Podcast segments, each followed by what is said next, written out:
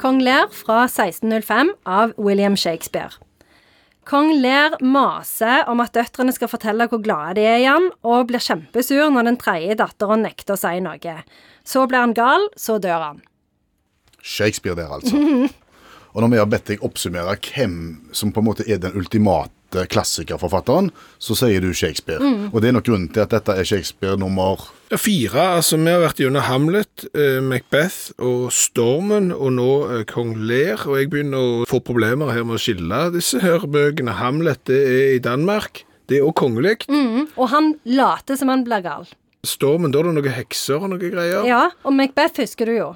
Der er det kona som bestemmer. Ja, nemlig. Mm. Ok. Men eh, jeg tenker at vi har fremdeles Otello igjen. Den må vi òg ta. Fordi at vi må liksom ha Du må ha Shakespeare inne hvis du skal drive og lyve om at du har lest eh, litteratur. Ok. Så, men det som er med kong Lear, det, er- da, det er at han er veldig sånn skal dele opp eh, kongeriket sitt, og så har han tre døtre, og så er han sånn er, er du glad i meg? Er du glad i meg? Er du glad i meg? Og så eh, de to eldste, Goneril og Reagan, de liksom syns at eh, Reagan, ja. ja, de er bare interessert i én ting, selvfølgelig. Det ligger jo på en måte i premisset. De vil bare ha makt og rikdom.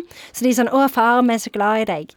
Mens Cordelia hun er virkelig glad i han, men hun nekter liksom å gå på kompromiss med seg sjøl. Altså, hun nekter å s- Når han maser om at hun Ja, men det er jo skal sant. si det Mm. Hvis du, hvis du blir bedt om å si noe, så, så får du ikke lyst til å si det.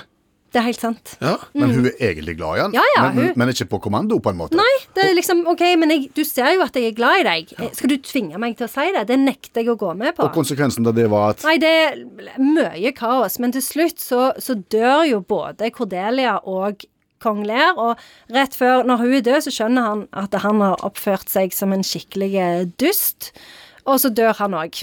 Eh, og så blir han helt sånn eh, 'Jeg har vært dum hele livet'. Og så får eh, Reagan gifte seg med Ronald, og så overtar de hele kongeriket, og så Og så kommer Donald Trump Ja. til slutt. Mhm. Så Kong Lear er en av de stykkene som blir eh, regna for Shakespeare Hvis du skal lage liksom et sånn Shakespeare-hierarki, så ligger den veldig høyt oppe. Det er liksom en av de mest kompliserte eh, tragediene hans, for det er veldig mange karakterer. Alle karakterene har liksom en sånn egen eh, fortelling, eh, og, og det er veldig sånn eh, Noen mener at det handler om natur, noen mener det handler om kristendom, noen har tolka det psykologisk, så det er enormt mange muligheter. Men det er jo et glimrende triks hvis du skal lyge at du har lest eh, Kong Lear. Det er jo bare å si ja, det er jo veldig mange tolkinger her. Eh, Jeg for min del f.eks.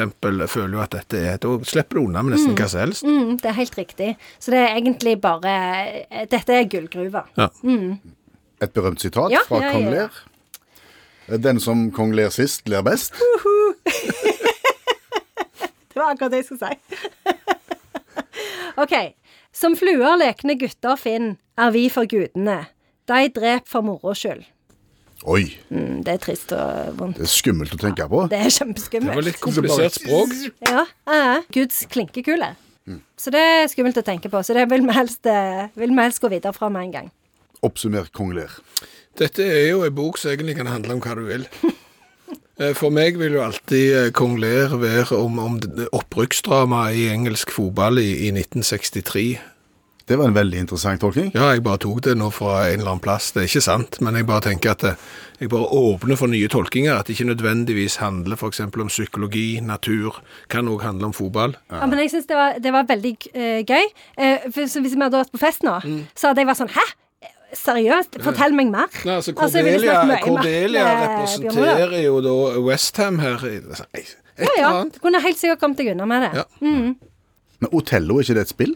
Jo, jo, det er et spill, så det er neste gang skal vi prøve å lage en sånn overgang. mellom stykket og spillet. Shakespeare og Monopol og Ludo.